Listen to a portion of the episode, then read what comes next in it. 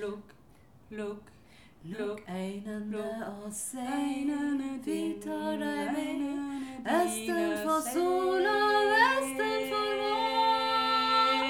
Se. Velkommen til Fortellerradio. Lukk øynene og se. Jeg heter Heidi Gjerstad. I dag har vi Tiril Bryn i studio. og Vi skal snakke om et veldig spennende prosjekt som hun jobber med. Og Andreas Johansen er tekniker.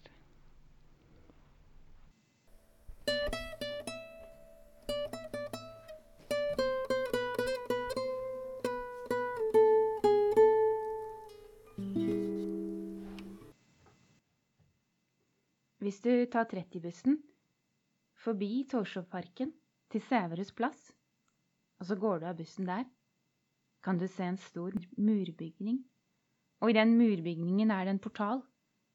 Og går du gjennom den portalen, kommer du til Edvard Griegs gate.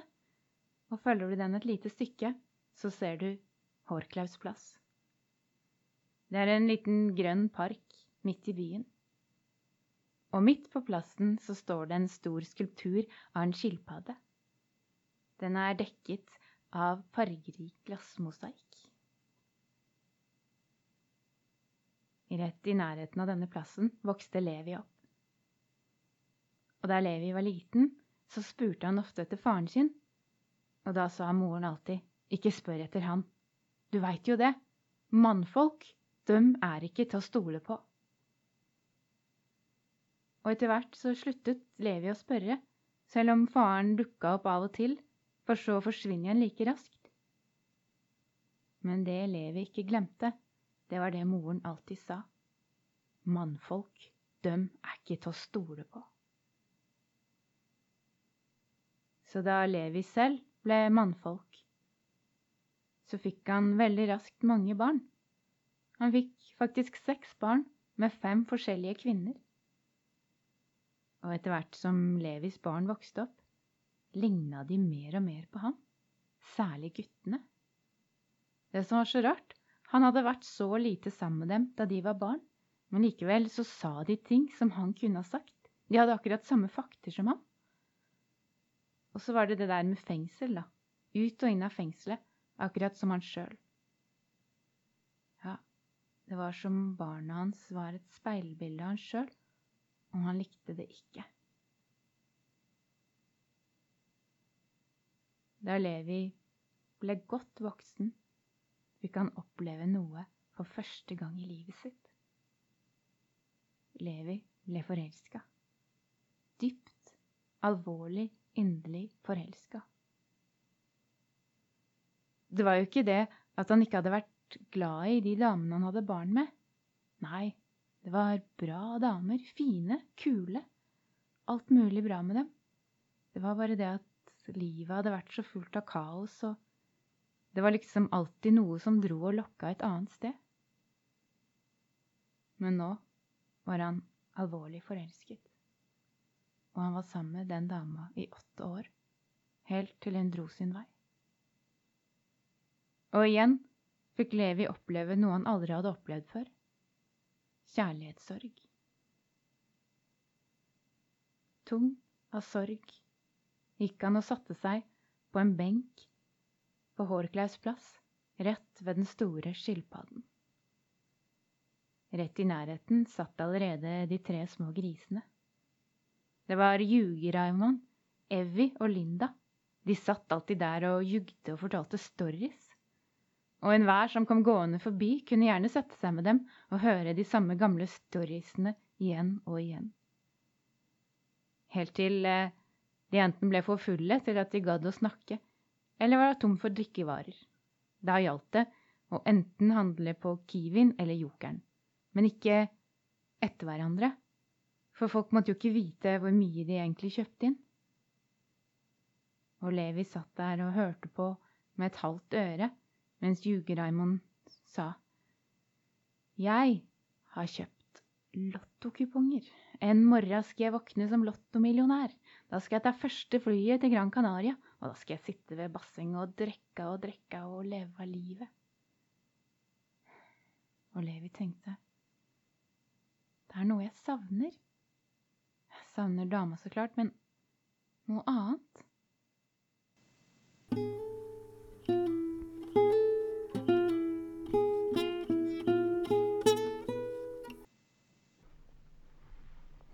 Takk, Tiril.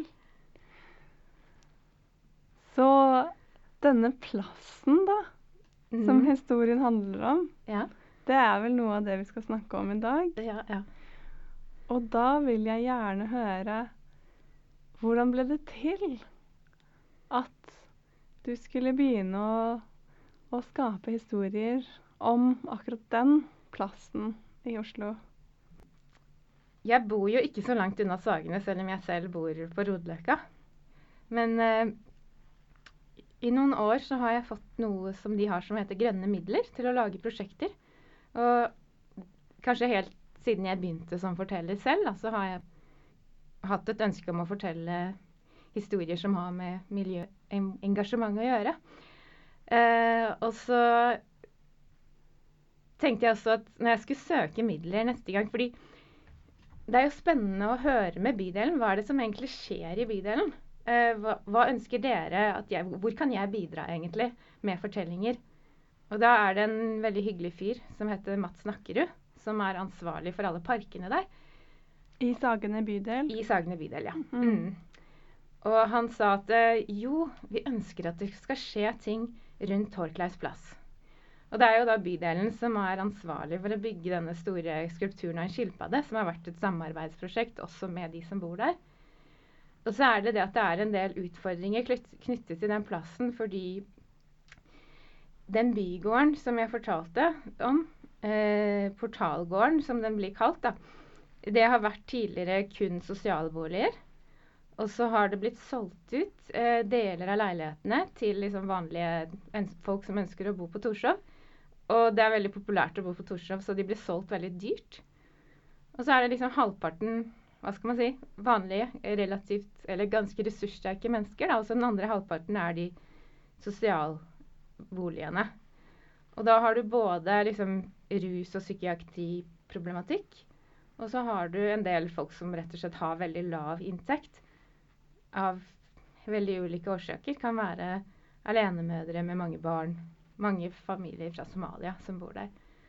Og da er det litt sånn krangel om hvem skal denne plassen tilhøre? Hvem skal liksom dette utemiljøet være for? da? For behovene er ganske forskjellige. Og så et ønske om at det liksom skal være særlig blant liksom barn som vokser opp der, mindre og veldig ressurssterke barn, kan ikke de liksom møte hverandre, da?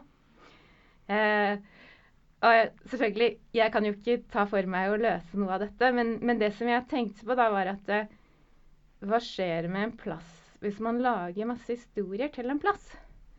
Og da lagde jeg en idéutkast til et eh, prosjekt som skulle hete 'Fortellingens DNA på Hårklaus plass'. Og, ja, så det er, det er det prosjektet mitt heter. Og så har jeg hatt møter med ulike grupper som har tilhørighet med denne plassen, og laget historier med den. Og den historien som dere akkurat hørte, det var samtale med en av de som De har også et, eh, et slags møtested for folk som har liksom litt sånn rus- og psykiatriproblemer i livet sitt. Som de kan på en måte ha et sånn lavterskelsted hvor man kan komme og få hjelp og få litt mat og være sosialt og kan få, få hjelp med søknader og sånne ting. da. Så en av de som er ja, ganske oppegående, han ville gjerne dele en hel masse historier med meg. da. Eh, og, og ut ifra det han fortalte, så, så lagde jeg den historien som også er liksom inspirert av rammefortellingen 'Sheherazad og 1001 natt'. jeg vet ikke hvor godt Altså hvis du kjenner den Så der er det jo en mann som ikke stoler på kvinner da, pga. kona og brorens kone har vært utro. Så det er jo liksom der jeg har byttet ut, da. Med det å At mannfolk ikke er til å stole på. Mm, som er liksom Så den historien er basert på en ekte historie på, som denne mannen fortalte, eller flere historier Ja. ja. øh, som han fortalte om folk som bodde i nærheten, kanskje. Ja. Så dette er, dette er historier om mennesker som tilhører denne, dette miljøet, da. Og denne plassen. Mm. Så jeg har bare gitt dem litt andre navn, da. Og, så det betyr at den skilpadden er faktisk ganske ny. Den er vel, ja Jeg vet ikke akkurat hvor ny, men kanskje fem år gammel eller et eller annet i den eh, mm. Men portalen har vært der. Den er gammel. Så Levi, da han vokste opp, da var kanskje ikke skilpadden der. Da. Nei da, det var den ikke. Så Mm. den har kommet senere. Mm. Mens portalen var kanskje der. Ja. Mm. Mm. Mm. Og så lurte jeg på eh, Hvem er plassen oppkalt etter? Eller er det en person? Plassen er oppkalt etter Johannes Horkløv. Han var komponist, men noe mer enn det vet jeg ikke om ham. Eh, navn på steder finner jo sine egne liv. Mm, Um, og uh, man ser det jo nå er det veldig mye politikk rundt uh, å gjenoppkalle Og at ting ikke skal være oppkalt f.eks. i Storbritannia etter folk som har vært, tjent mye penger på kolonihandel og sånne ting. Mm. Eller i USA på slaveeiere og sånt. Um, eller folk som har uh, kanskje drept mange mennesker, eller sånne ting. Mm. Uh, men, uh, men det tar jo sitt egne Det er faktisk en bygning på et universitet i Tasmania mm. som er oppkalt etter en slektning av meg. og jeg er sikker på at alle de studentene som går der, aner ikke hvem det er, eller bryr seg ikke om det, ikke sant? Mm. Og hans etterkommere bor ikke lenger i Australia engang. Mm. Så Nei, det var uh, navnet. Ja. Nei, men det er en spennende, spennende mm, diskusjon som i bunn og grunn handler om hvem skal være våre forbilder. Ja. Ikke sant? At det, og at det har vi begynt å endre på synet på hvem som får lov å være forbildene våre. da. Ja, hvem vi oppkaller ting etter. Ja. Mm. Så jeg tenker at det er det det i bunn og grunn handler om. da. Ja, ja, den samtalen. Og så er det kanskje litt spørsmål Fordi når et sted først har fått et navn ehm, Den slektningen av meg var økonom på 30-tallet eller noe sånt i Australia. Eh, men eh, det er sikkert mange siden da som har gjort mm, kanskje enda flere spennende ting. men Mm. det bygget har det navnet, Ja. ikke sant? Fram til man kanskje eventuelt bygger et nytt bygg. Men det er eh, kanskje et argument å lage for fornyelse i navn. Altså Noen Ja. ganger så har jo steder navn som handler om eh, til, og med, til og med ting som har skjedd der. Ja. Det er eh, Vet du hva? Vi, I et tidligere program her i Fortellerradioen Mm. eh, så var Sara Kagaup her, og vi snakket om navn og språk og sånn. Og så snakket hun om at eh, Karasjok er egentlig eh, Betyr egentlig karen i elva. Mm, Karen, liksom mannen. Nei, Karen karen, kvinne. kvinnenavnet. Ah. det var en historie om en som het Karen. ja. Som Det var et eller annet at hun falt i elva eller noe sånt, som var en historie. Ja. Men eh, når, du, når vi snakker om det, fordi jeg har en veldig god venninne som jeg også har jobbet med en del år, jeg begynner å bli litt tilbake i tid, som heter Claire de Vangen. Mm. Og hun jobber med stedsspesifikke forestillinger. Mm. Og, og jeg har alltid vært liksom veldig fascinert av den måten hun har kombinert fakta om et sted Mm. med lag av fantasi, da. Mm. Og, og jeg tenker at, eh, at når de tingene begynner å blande seg, så oppstår det noe helt nytt. Ja. Ja. ja, så det er noe med at stedet øh, Stedet er der. Den er på en måte fys eller den er jo fysisk også. Mm, mm. og så er det ting som skjer der. Dvs. Si folk sine minner. Folk bor der. Folk sitter Er det en benk? Det er noen benker der, ja. Ja, ja. Mm. Og- Og og- folk drikker. ja. altså, og, eh, eh, men at det også kan være på en måte rykter eller myter om at det her har skjedd en gang. eh, som bare går og ulmer og skjer for seg selv. da. Også Mm. det å komme inn som forteller og bidra til Det er vel nesten bare å forte litt på det som kanskje skjer uansett. Jeg tenker at egentlig så er vel målsetningen med dette arbeidet å um, Altså å styrke tilhørigheten til stedet.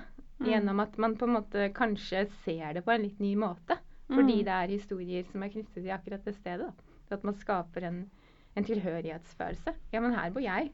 Og, her er, og jeg, mitt liv er jo også en del av denne historien, på en måte. da. Mm. Eh, Sånn tenker jeg. Mm. Eh, og en, en tilhørighet til et sted er det jeg kanskje ønsker meg gjennom. Og kanskje litt blanding av underholdning, humor og mor mor morsomme ting. Og, men også litt alvor, da. Mm. Så akkurat som historier um, som er knyttet til et land, kan øke den tilhørighetsfølelsen, Mm. eller til en, en hel by, Mm. eller en dal, eh, så er dette Det bor såpass mange i Oslo. Det er såpass mange små steder rundt om Mm. at man kan styrke den lokale tilhørigheten ved å eh, Hvis noen laget et sånn Nå har jeg flyttet sånn at St. Olavs plass er liksom nærmest meg. Ja, ja. Eh, hvis noen hadde laget en historie om den plassen, Mm. Så hadde jo det vært kjempehyggelig for meg.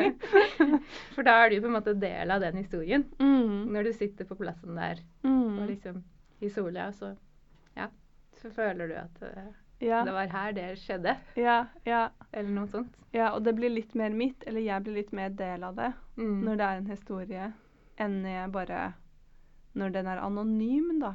Mm. Når plassen er anonym.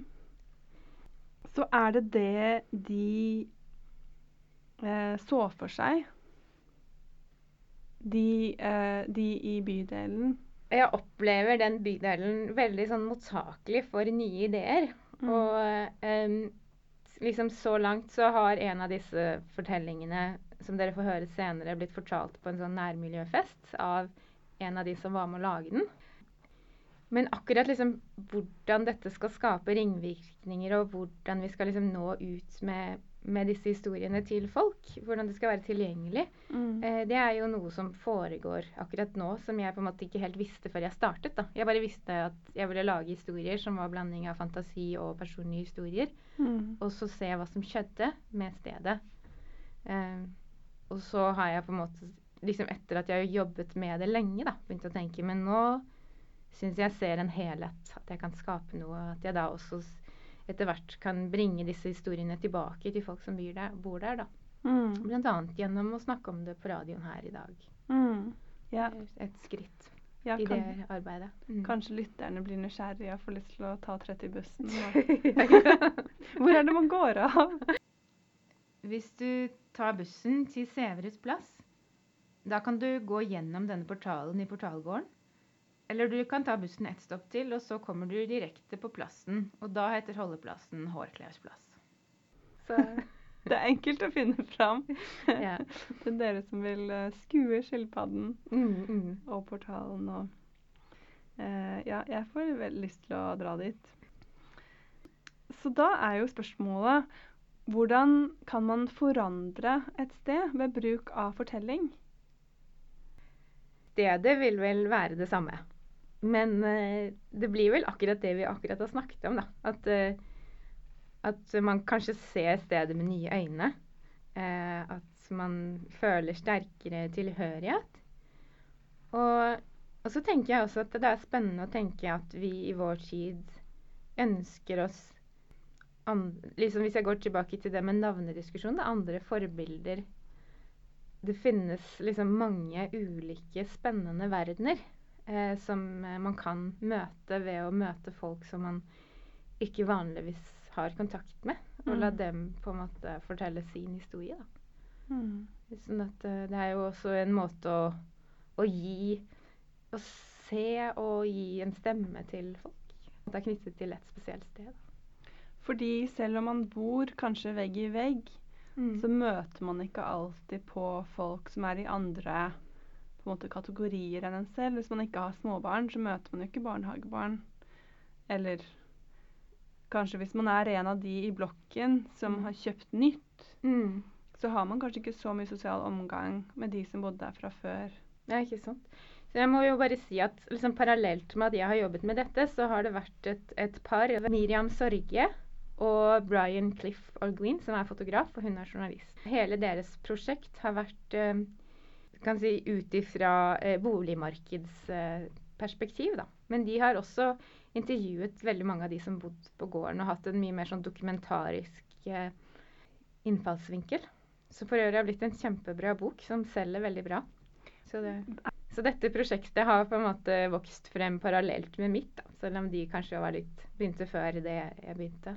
Så fikk jeg høre om dem. Mm. Så hva, hva var det de tenkte at de skulle oppnå, tror du?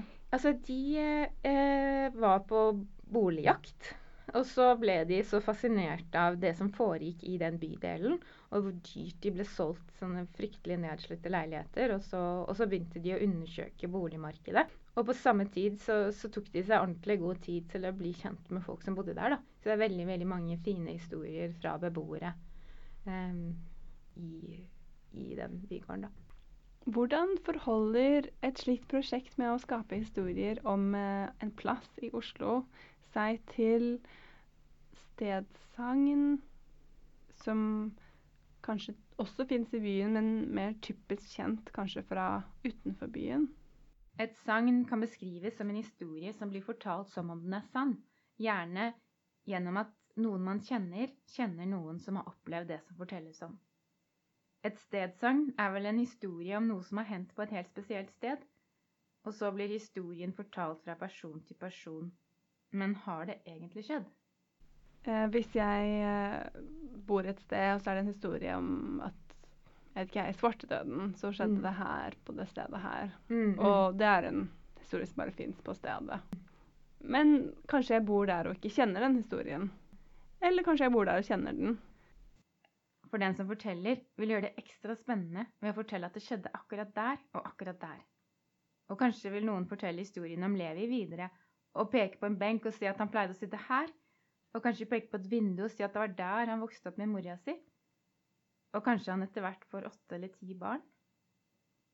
Ja, men, eh, men nå, nå, har vi jo kommet til uh, midten av programmet, der vi skal høre en historie til fra plassen. Og uh, har du lyst til å si litt om den historien? Ja. Jeg har jo som sagt møtt ulike grupper som har tilhørighet til den plassen. Noen av dem var barnehagebarn. Og da har vi hatt noe som jeg har kalt fortellingsverksted. Og det vil si at eh, jeg har først fortalt en historie, da, en sånn tradisjonsfortelling, for å eh, sette i gang fantasien og sånn. Og så har vi etterpå tatt fram en lydopptaker. Og så har jeg stilt spørsmål som leder historien fremover. Og så har de funnet få lov å farge, farge den historien med den fantasien som de har, da. Og så etterpå så har jeg samlet trådene litt i historien at for barnehagene Alle kjenner jo den skilpadden. Så den har fått lov å være tema da, for, for, historiene som vi har laget. Jeg kan jo også si det først at eh, fortellinger har jo ofte en ganske lik grunnstruktur. Som begynner liksom med at man er på et sted, og det er noen som er med i historien. Og så er det noe som fører til det er gjerne et problem eller en mangel som gjør at de må liksom ut og reise. da. Og så møter de på en måte noen utfordringer og noen hjelper underveis, og så kommer de tilbake. sånn. Veldig kort fortalt, da. Det er jo den fortellerstrukturen som jeg prøver å ha i bakhodet når jeg stiller dem spørsmål, da. Og så får de lov å dikte i vei. Og det er jo mange som dikter på en historie på én gang. Så det tar jo ofte veldig av med Men også ganske morsomt, da.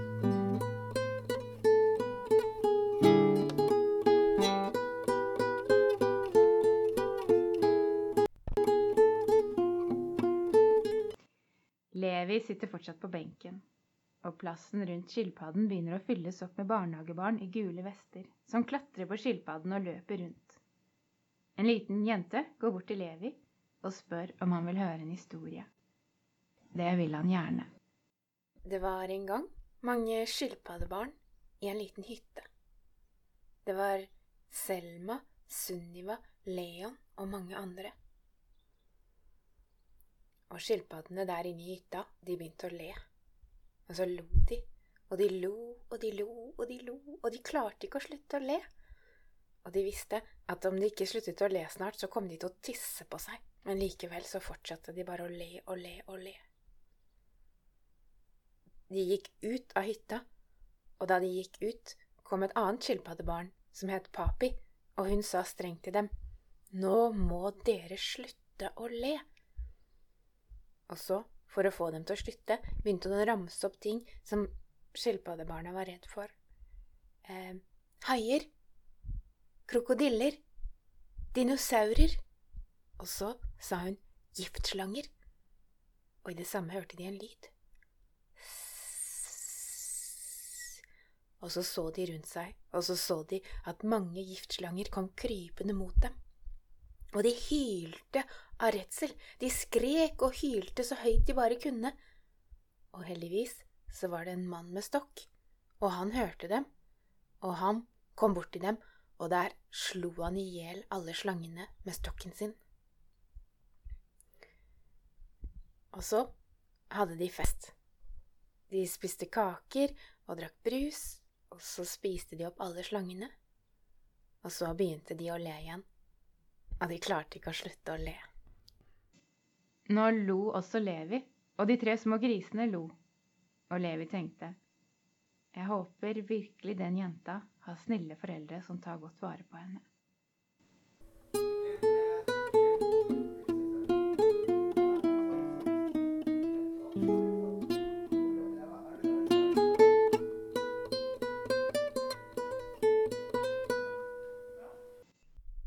Fortellingen om skilpaddebarna er laget av barn fra Tor Olsens barnehage. Ja. Fantastisk historie. Så da vil jeg gjerne vite litt mer om eh, Nå har du snakket om eh, den strukturen. Men hvordan er det man jobber med en gruppe og skaper en historie sånn som denne? Hvor starter man? Ja, eh, altså det Jeg starter bare med eh, Hvor er vi?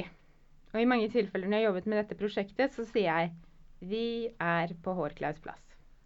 Så da legger jeg litt føringer, da. Jeg har ikke gjort det med de minste barna. Og så spør jeg hvem er med. Og så spør jeg kanskje Fortell litt mer om de som er med. Og så spør jeg om de har et problem, og hva det problemet er. Og når jeg har kommet dit, så er ting ofte i gang med å rulle. Så da, og da kanskje jeg spør om det, om det er noen som hjelper dem, da. Og så er det egentlig bare å komme i havn. Og så når, vi liksom, når det har på en måte gått gjennom et sånt vendepunkt, da, så sier jeg ja, nå er det fest. Mm. Omtrent sånn. Mm. Så når du, når du spør eh, hvem er med, eller hva er problemet, men da kommer det kanskje flere forslag? Ja, ja, det gjør det.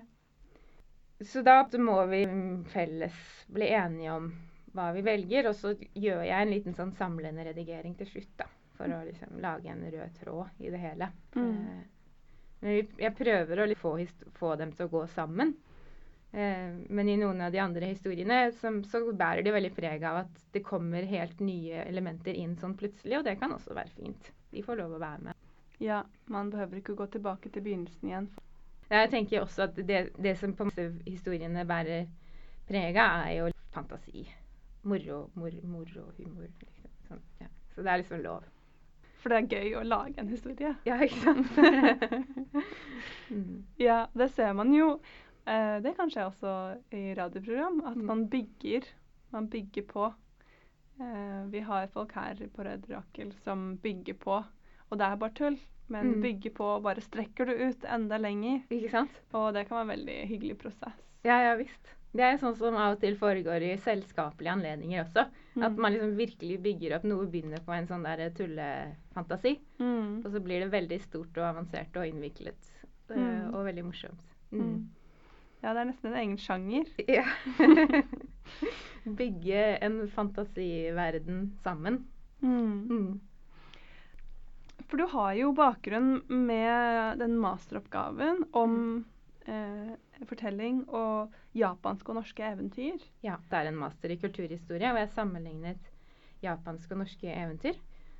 Dette her var jo lenge før jeg selv begynte å jobbe som forteller. Men eh, det var jo en lang prosess altså når du skal eh, skrive en oppgave for å finne eventyr som var mulig å sammenligne, f.eks. Men en av de tingene som fikk meg til å studere kulturhistorie eller folkloristikk, det var når jeg hørte om det at det fantes like eventyr over hele verden. Det det trakk meg veldig. Men hvorfor er det sånn, liksom? Og så var det Jeg husker fra forelesninger hvor de liksom satt og tenkte ja, lenge så studerte man det at fortellingene har vandret. Og det har de selvfølgelig.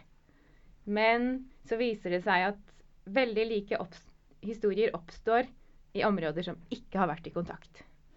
Så eventyrene er noe som er universelt. Noe som oppstår i menneskesinnet. Noe av det som gjør mennesker over hele verden like. Og det syns jeg var veldig fascinerende. Og så har vi liksom hele den prosessen som gjør at vi har bøker fulle av eventyr i f.eks. land som Norge og Japan. Og det var jo nasjonal identitetsprosess. Så plutselig så forsto vi at dette her er jo veldig viktig. Og så begynte folk å samle inn, og så var det jo den norske identiteten Det var jo en veldig, veldig styrt prosess. Vi skulle identifisere oss med folket i Innlandet. Og disse rene historiene som aldri hadde vært tuklet med. Eh, og så skulle de liksom på en måte være vår identitet, da. Sånn at liksom ved å skulle bare i det hele tatt finne frem til eventyr, så måtte jeg på en måte forholde meg veldig til den nasjonsbyggingsprosessen. Og så viste det seg at Japan gjorde akkurat det samme. Eh, inspirert av Vesten med en liksom, innsamlingstradisjon hvor man leter etter disse som er mest mulig uberørt. Og så, og så, gis de ut og formes sånn at de passer veldig fint hånd i hanske med, med, det man vil fortelle som nasjon. Da. Så når jeg satt og skrev, så, så tenkte jeg liksom OK, innerst i kjernen så er de universelle. Og så er det liksom lag på lag. Og så kommer det et lag utenpå som er veldig sånn stedspesifikt. Hvor er vi igjen? Hvordan ser naturen ut her? Hva slags dyr er det her? Hva slags kultur? Hva slags tradisjoner? Og så kommer det et lag et eller annet sted med mer sånn symboler, som er veldig viktig. Uh, og, det, og, det, er også litt kulturelt og litt universelt, litt sånn blandet, da. Og så utenfor der igjen puttet jeg liksom, så er det det at det er del av en nasjonal identitetsprosess. Så når du leser tekstene, så, så, så finnes det også der, da. Så det som jeg gjorde når jeg jobbet med disse eventyrene, da var at jeg liksom brøt de helt ned til liksom handlingen i historien. Og da er det en kjent russisk forsker som heter Vladimir Plap, som har liksom delt bare i, funnet eventyrene bare fra handlinger. Da. Og så etterpå studerer de andre lagene og ved, ved å sammenligne, da. Mm. Og det er liksom den type Kjernen i fortellingen er kanskje den jeg bruker når jeg stiller spørsmål, da. Så når du med barna, når du har jobbet med barna i forhold til akkurat dette prosjektet på Sagene, så bruker du prinsippene som du fant fram til under det arbeidet? Ja, jeg har liksom vært veldig interessert i liksom, hva er fortellingens kjerne. Mm. Og det er jo selvfølgelig liksom handlingen i historien. Og så er det jo flere ting også, på en måte gjenkjennelige menneskelige ting. Det å ikke kunne slutte å le, mm. eksempel. Ikke sant? Ja. Kunne sikkert skjedd hvor som helst. Ja. Siden vi er her eh, på Radio Rakel, så spør jeg alltid om eh, kjønn. Mm -hmm. eh, så for de som har begynt å lytte etter starten, så er det Fortellerradioprogrammet her. Og snakker med Tiril Bryn. Er det Var det noe kjønnet i det arbeidet med å jobbe med den plassen og de historiene? Når jeg da på nytt jeg tok ut, eh, muntlig fortellingutdanning på høyskolen senere, og måten man jobber med en historie som forteller, så er det jo at du kanskje finner materiale i en bok, og så tenker du mm, hvordan skal jeg fortelle akkurat denne historien? Og, og der har man veldig mange valg. Og, og, der tar man veldig mange sånne bevisste etiske valg også. Og også liksom hva slags forbilder skal man lage, hva slags historie vil man fortelle. Akkurat når jeg jobbet med dette, så kan jeg ikke komme på noe spesifikt kjønnsperspektiv utover at jeg alltid synes det er interessant å jobbe fram liksom sterke jenter, kvinneskikkelser. Og det, jeg tenker at det, det er en viktig del av historier. Men altså, det blir jo litt menneske først og fremst, liksom være en Men også kvinner, da. Men jeg husker en gang hvor jeg jobbet med en helt annen historie fra Somalia. Vi skulle beskrive en somalisk landsby. Og da var det, jobber jeg med en som er derfra. Og så hadde vi litt sånn parodi da, på hvordan mennene går. På en litt sånn morsom maskulin måte, og kvinnene mer sånn feminine. Så tenkte jeg ja mm. Og så tenkte jeg OK, men det er litt morsomt. Jeg har ikke lyst til å ta det bort. Men jeg tror jeg også skal si at det var sterke, modige, kloke kvinner. Og så skulle jeg si at det var ikke kvinnene som kledde seg i fargerike kjoler, men alle likte å kle seg i fargerike klær, da. Det er jo helt OK å være feminin og maskulin, men at man er litt bevisst på at, at man legger noe til, da, så ikke det blir for stereotypt, da. Og historien om Levi det er jo en historie om en type mannlighet som ikke alltid blir fortalt. Det, jeg syns i hvert fall det var veldig hyggelig å høre på den. At det er mye som ikke tas med i mange offentlige historier om hvordan folk er eller skal være. eller hvem er våre helter? Og jeg tenker at en som kan være en helt, er jo en som har hatt et veldig vanskelig utgangspunkt i livet sitt og tatt tak i det f.eks. Mm. Det kan være en helt. Mm. Ja, det blir litt annerledes enn en som på en måte alltid har vært rik og vakker og vellykket. Ikke sant? Ja. Det er mye mer potensial for utvikling og overkomme noe mm, mm. når man ikke starter med alt. Så det, det å overkomme noe er da, da har du, uansett hvem du er, muligheten til å bli en helt. Kvinnelig eller mannlig. Eh, ja, uansett hvem du er, kan man jo si da. Ja, eh, så nå skal vi faktisk høre to historier til slutt. Vi skal ha den fra barneskolebarna. Denne andre historien ble laget av, på verksted da, på samme måte som med barnehagebarna. Men at det ble jo en, ny, en annen historie. Og så skal vi høre slutten på den historien vi startet med. Fra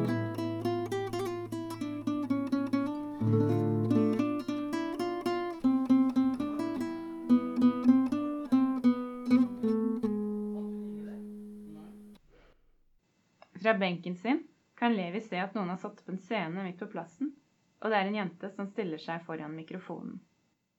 Whoa, whoa, why you walking like a stranger? What's with your behavior? Whoa, whoa, say my name, say my name. If you love me, let me. You say my name, say my name. I am dying to believe you. Enda en jente kommer bort til Levi på benken. Hun er kanskje elleve år. Hva skjer da? spør Levi. Jenta svarer at det skal være nærmiljøfest her på Hårklaus plass og at hun holder på med å øve på en fortelling som hun skal fortelle fra scenen litt senere. Så spør hun om Levi vil høre den historien.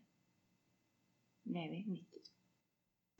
Det var en gang en jente som het Kaja, og en gutt som het William. De var ti år gamle.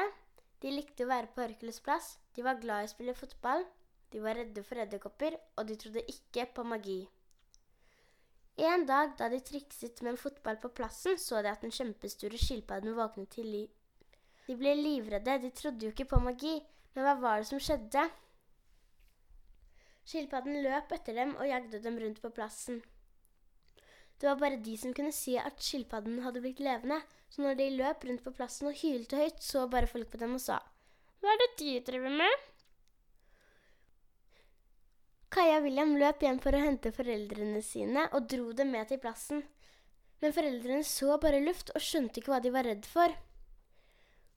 Kaja og William bestemte seg for å spørre skilpadden om noe var i veien. Skilpadden sa at den trenger hjelp til å få tilbake familien sin, men det den egentlig ville, var å redde verden. Kaja og William bestemte seg for å hjelpe skilpadden, men skilpadden spiste dem opp. Man kunne høre på nyhetene at to barn var forsvunnet. De var sist sett på Horkels plass. Inni skilpadden var det en verden som var helt lik vår verden, bare at alle som var der, var helt fremmede. Kaja og William forsøkte å spørre hvor de var kommet hen. Ingen i denne verden snakket norsk, de snakket bare skilpaddespråk. Kaja og William ble nødt til å lære seg skilpaddespråk. De kan spørre Hvor er vi? De får vite at alle som har prøvd å hjelpe skilpadden, har blitt spist opp av den og blitt forvandlet til mennesker som bare kan snakke skilpaddespråk. Og ingen har noen gang klart å komme seg ut igjen.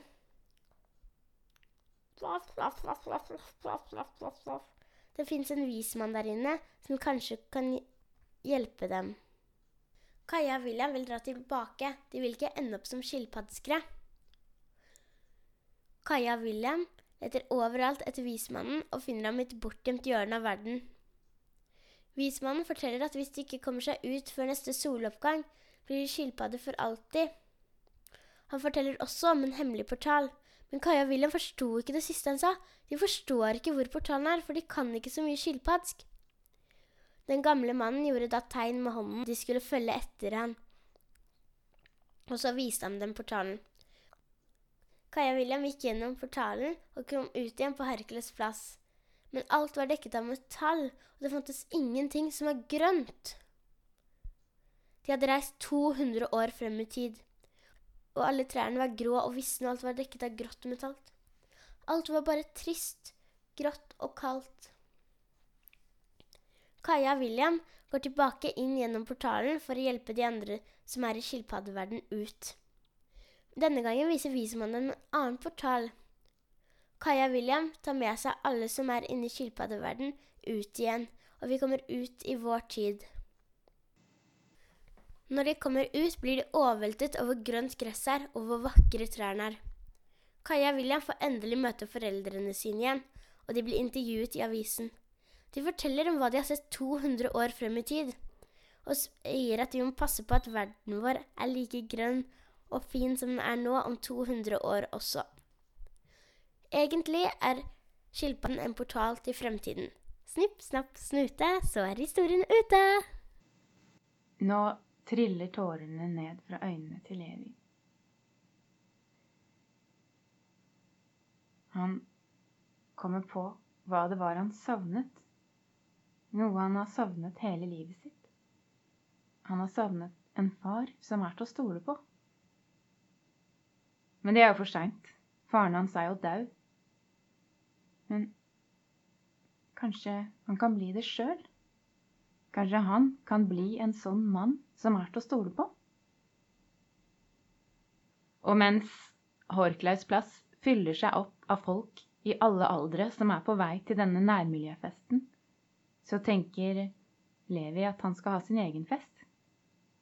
Han skal ringe alle eksene sine, alle barna og alle barnebarna, og så skal han fortelle dem at nå er han blitt en sånn som man kan stole på. Og han skal si til barna sine at det må de også være for sine barn.